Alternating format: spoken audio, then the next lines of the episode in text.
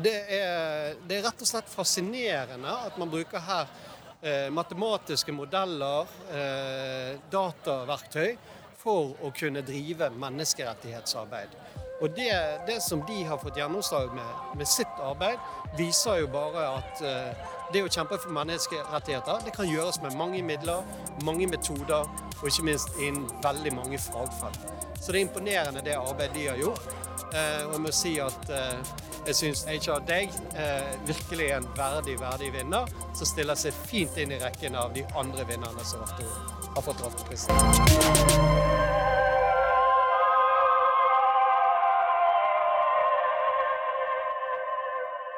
Dette var da ordfører i Bergen Rune Bakervik sine tanker om Rafteprisvinneren for 2021, HR Dag. Og dette er temaet for dagens episode, Bendik.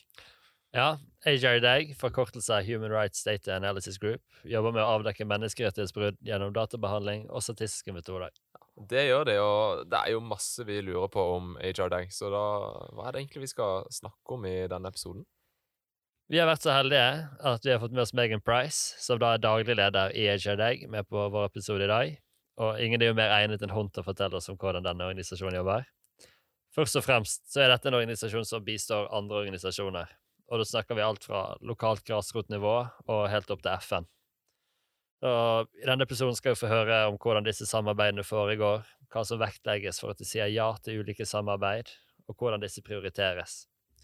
Megan skal også fortelle oss om hvilke kilder og metoder de bruker i arbeidet, og om den teknologiske utviklingen vil gjøre det enklere å oppdage menneskerettighetsbrudd. Så her er det med andre ord bare å feste seg til setebeltet. Velkommen til VVM-podden.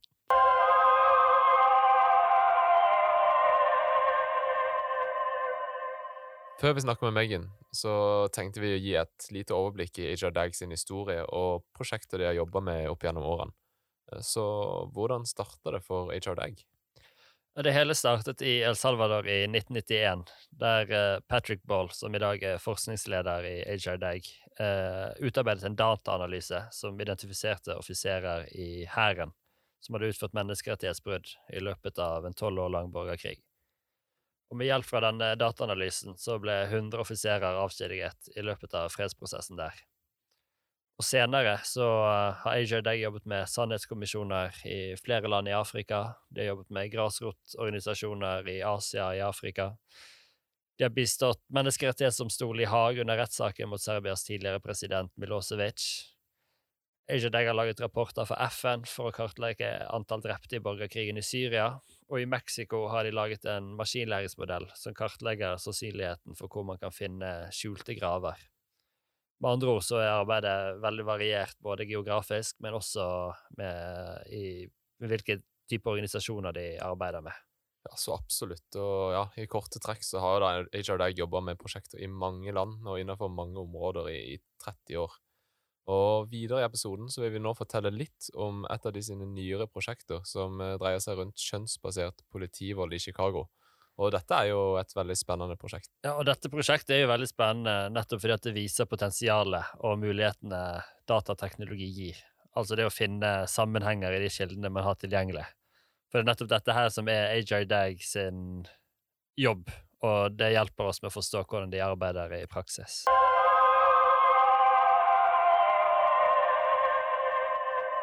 I Chicago jobber Ajar Dag med Invisible Institute.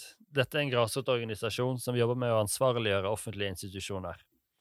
Gjennom en rettssak fikk de tilgang til data fra politiarkivet i Chicago. Disse dataene inneholder alle klagene politiet fikk inn fra 2011 til 2015. Disse klagene som sendes til politiet, klassifiseres inn i ulike kategorier av myndighetene, som så føres opp som politirapporter. Når disse klagene gjøres om til rapporter, mister man mye informasjon om klagene som lagres hos politiet. Og et eksempel på en slik klassifisering av en klage kan være en improper search of a person. Eh, Men problemet med denne kategorien er at det nettopp er så mange ulike handlinger som kan klassifiseres som improper. Og det kan være alt fra eksempel ulovlig ransaking, grunnløs ransaking, seksuell trakassering, eller rett og slett seksuelt overgrep fra politiet. Og nettopp dette skillet mellom klager og rapporter, det er veldig viktig. Ja, for det Invisible Institute og HRDAG gjør, det er å gå gjennom de faktiske klagene som er sendt inn, og så sammenligner man de med rapportene som finnes i politiarkivet. For under kategorien Improper Search of a Person gjemmer det seg ulike handlinger som er mer detaljert beskrevet i klagene. Så arbeidet består dermed å finne avvikene mellom klagene og rapportene. Og for å gjøre dette så er det avhengig av mange frivillige. Ja, og disse frivillige de er da enten kvinner som sjøl har blitt utsatt for seksuell trakassering, eller eh, lokale menneskerettighetsarbeidere. Og de frivillige de leser så klagene, og deler klagene inn i mer spesifikke klassifiseringer, basert på sine egne subjektive vurderinger av hver, eh, av hver rapport. Og disse er altså mer detaljerte enn hva politirapportene tilsier. Og HR Dag de tar så og lager et nytt datasett med de nye klassifiseringene, og bruker maskinlæring som behandler dataen i datasettene, som da fanger opp hva det egentlige formålet med klagen var. Og det de da gjør, er at de finner mønstre for hvor og når, hvilke og hvilke ulike overgrep som har funnet sted, uten at man trenger å gå gjennom alle klagene manuelt. Så det maskinen egentlig gjør, det er at de gjør det mer effektivt og skalerbart. Um, og det de dermed da avdekker, det er at for eksempel seksualisert vold fra politiet ikke nødvendigvis kategoriseres som dette i politiets arkiv, og gjennom databehandling kan de da bedre kategorisere politiets atferd fra ståstedet til de som har sendt inn klagene. Og slik avdekkes store avvik mellom klassifisering av innholdet i politirapportene versus slik det oppfattes av de som har sendt inn klagene. Og det denne saken hjelper med, det er å fremme narrativet til de stemmene som ikke blir hørt. Og som vi skjønner fra denne saken, kan man se at offentlige institusjoner, enten det er med overlegg eller ikke, kan være med på å viske ut sannheten, og dermed gjøre det vanskeligere å gjøre noe med den uretten som blir begått mot marginaliserte grupper.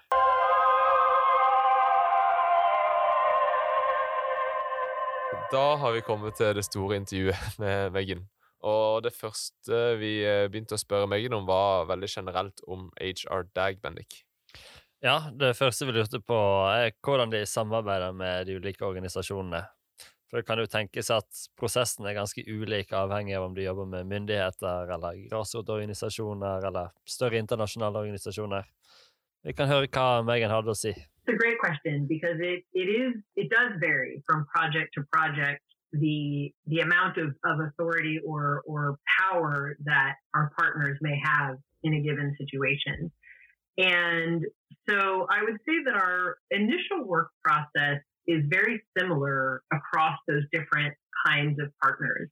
And all of those collaborations start with a conversation. Somebody will reach out to us with a question or a little bit of data or a question about finding some data. And we will discuss what their advocacy goals are, what their questions are that they're trying to answer, and then our job as data scientists is to translate those substantive advocacy oriented questions into questions that are answerable through data analysis.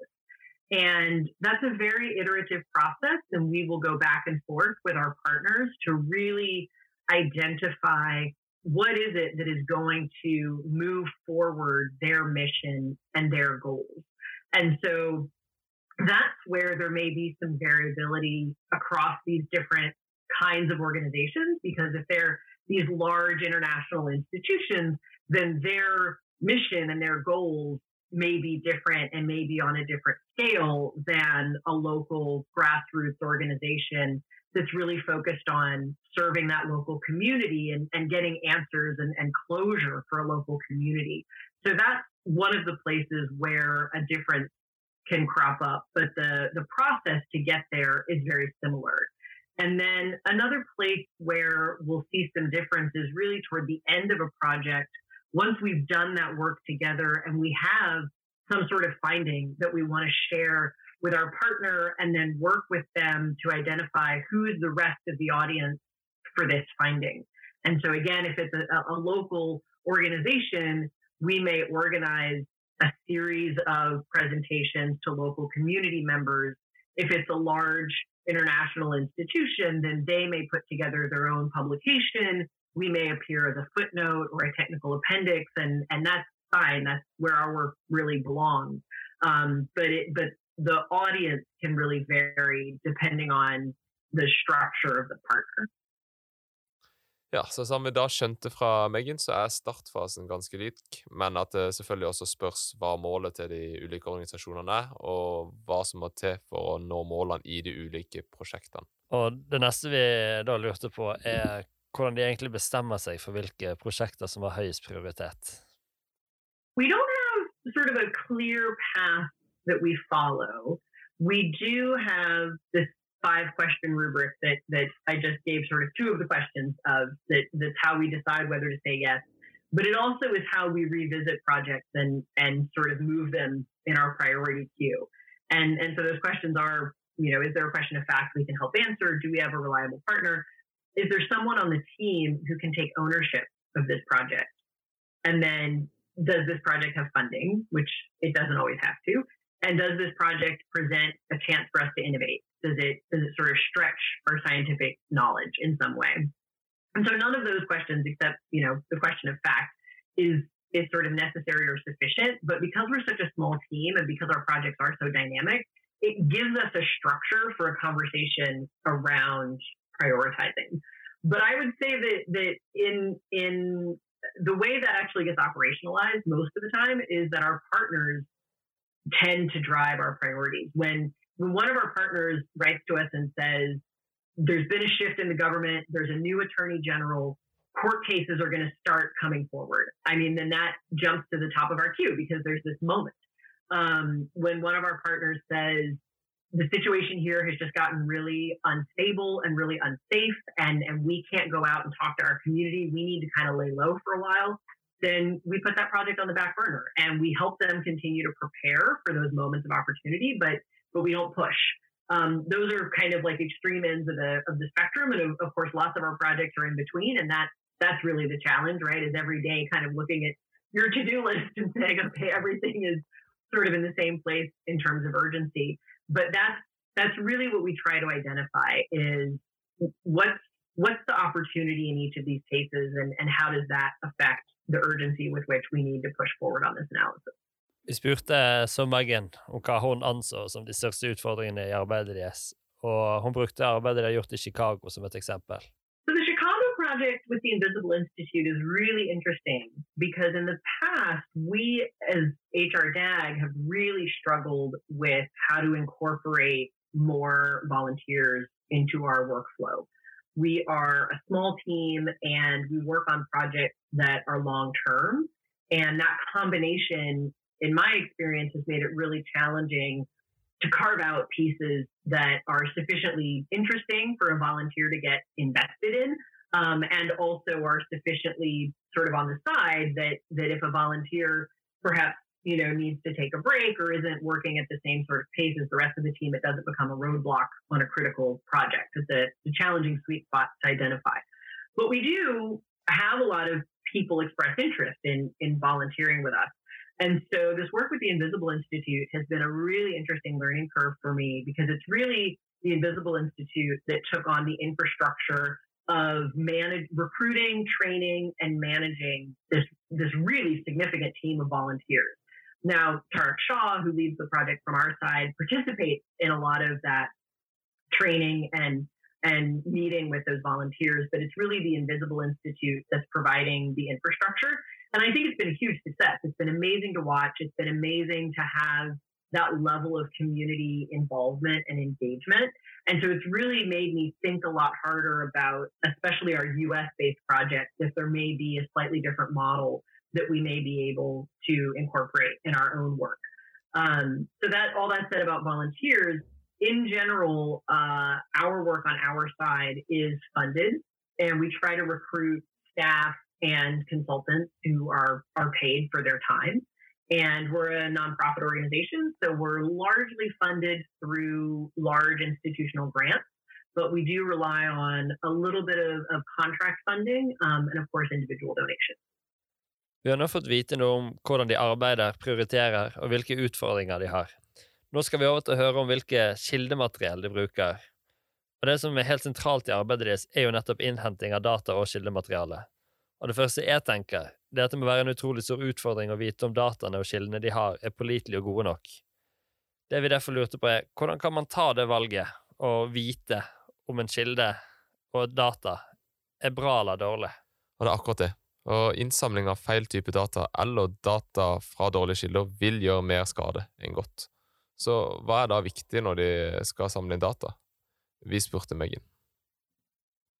That's a great question. The, the idea of, of is data good enough comes up a lot and is something we struggle with a lot. And I would say a very common theme in all of our work is worrying about why do I have this data and not some other data? What are the stories that I don't know about yet? What are the events that were not recorded or not reported? And specifically, how are they different from what I was able to observe and analyze. And that's where statistics is really, I mean, this is my bias. I am a statistician, but statistics is exactly the right tool to address that question because statistics is designed to build from the data that you have to estimate what you don't know. Now, how much you can sort of bound what you don't know varies based on what you do know. But that really is how we address that that concern and that worry is that we we try not to stop with what data we have access to. We try to always consider that a starting point. Now there are a couple of small exceptions to that. In in some specific cases, the questions that our partners have are literally about the data that they have and they don't go kind of beyond or they're not trying to to make more general statements or more general conclusions. And, and in those cases, we do stick to sort of descriptions of the data that we have access to. But primarily, we, run, we rely on appropriate statistical tools to estimate what we don't know.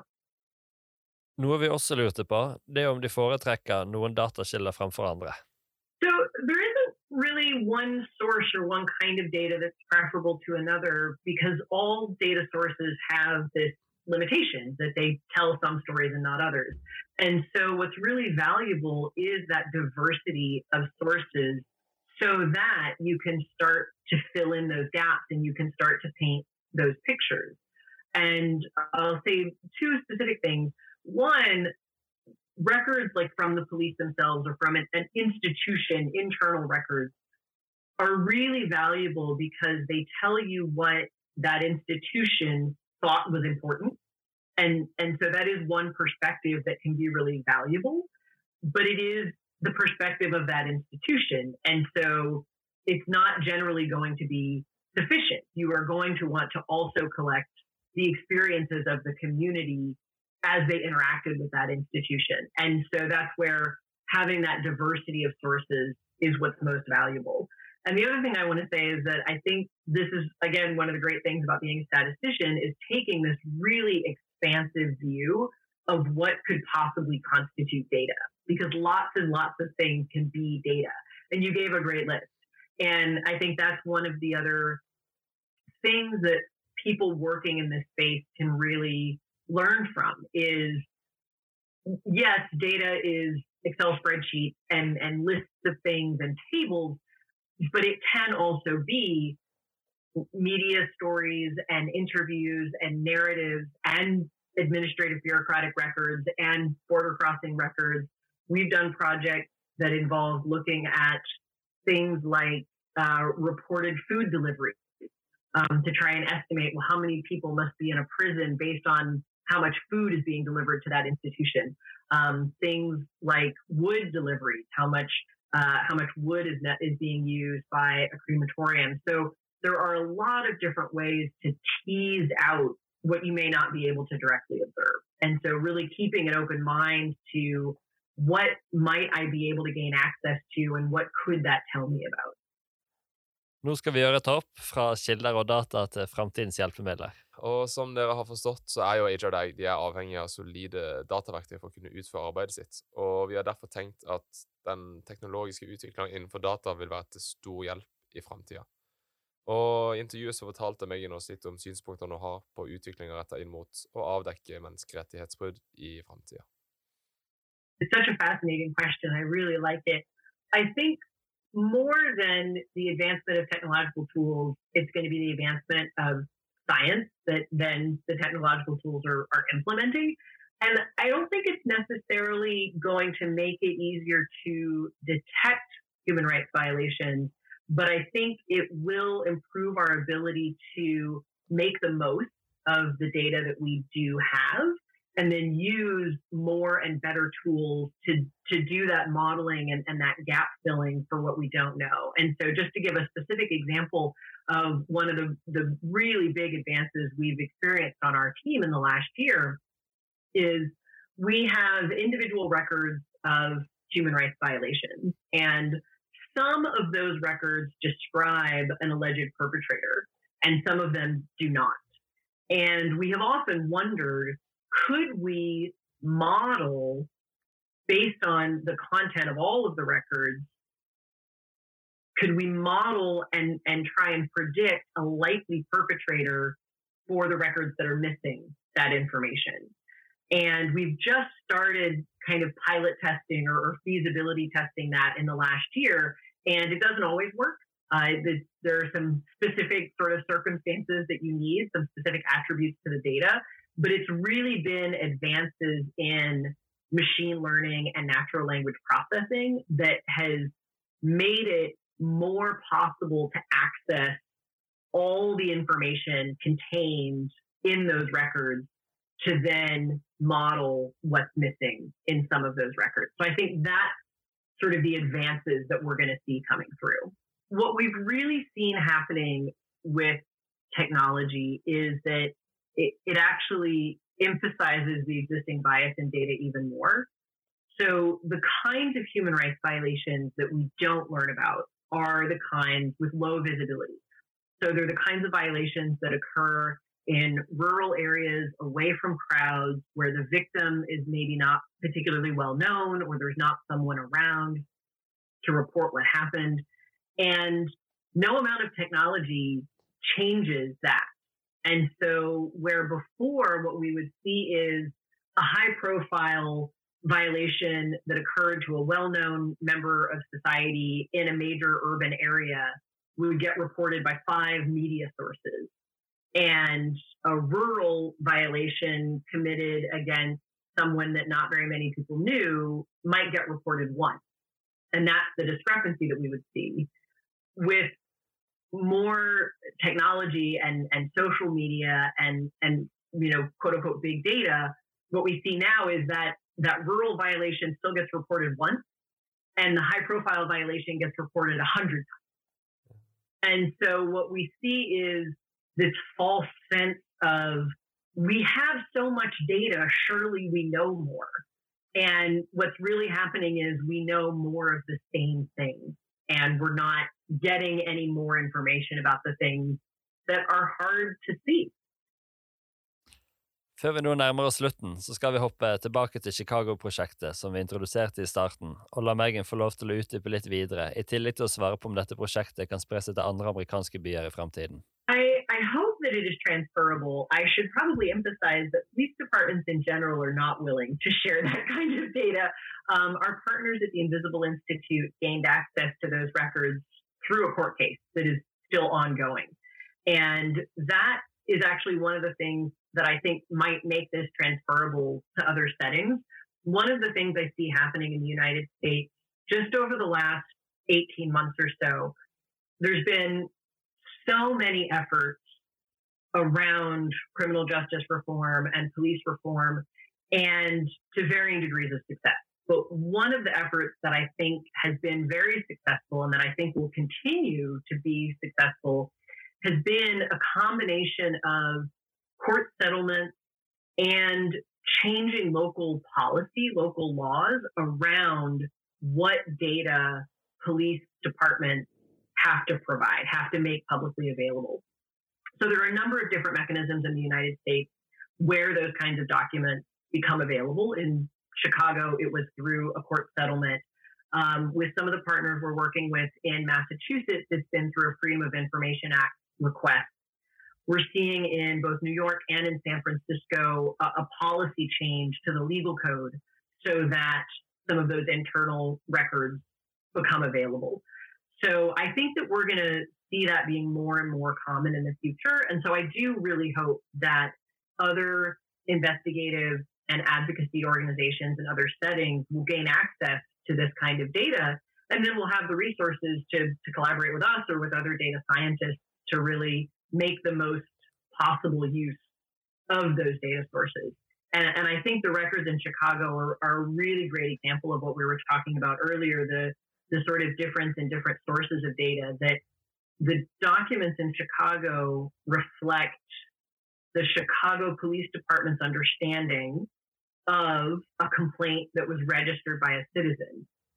The original narrative, the original story was told by the citizen who had the experience, describing the experience they had. But then it, it got coded in an official departmental way.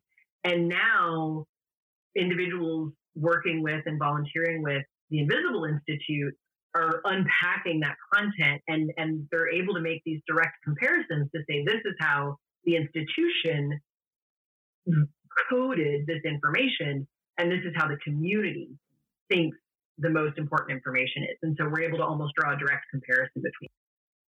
Til sist vil vi spørre Megan om hvordan studenter i Norge kan bidra i arbeidet for å avdekke menneskerettighetsbrudd.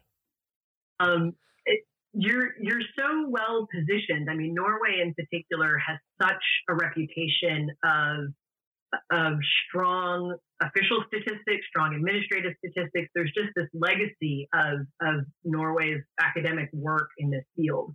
And so I think one of the kind of straightforward paths is just to keep building on that and to keep really setting an example of what high quality data analysis in this application area can look like. So that's kind of the specific, like use those technical skills.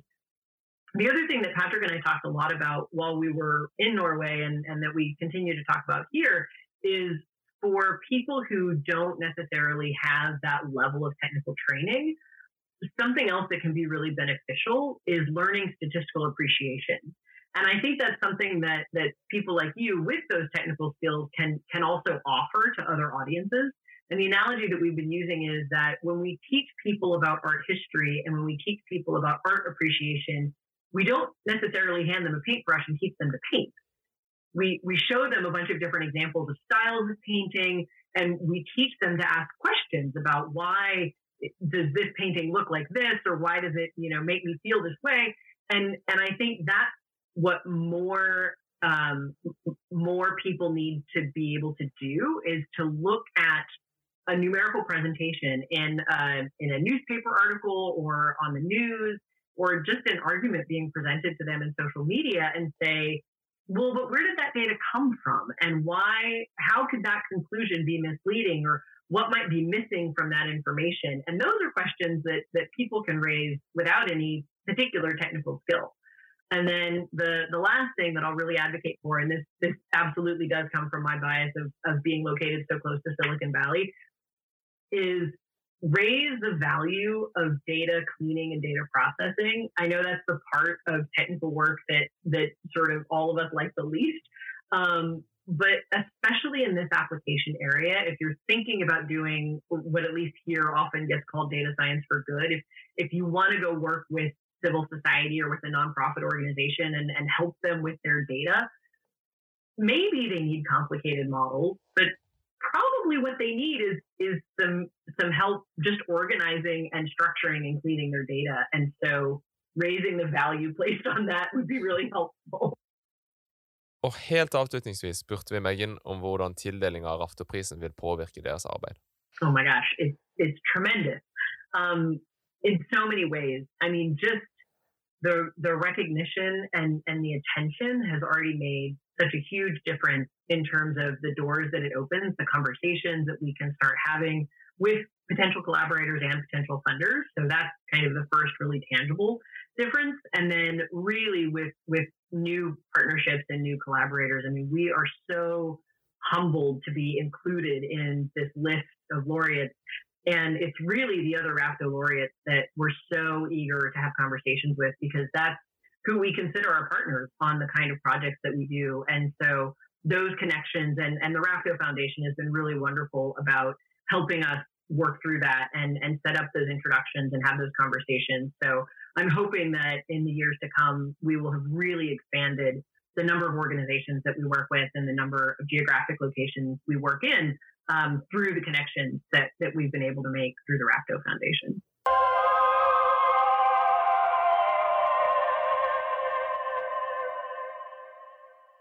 Takk for at du hørte på podkasten om årets rafteprisvinner, HR Dag. Vi vil også takke Megan Price for å ha vært gjest. Vi håper dere syns det har vært like spennende som oss å få et innblikk i deres arbeid. Husk å abonnere hvis du vil få med deg neste episode. BBM-podden produseres av Rafto NOS.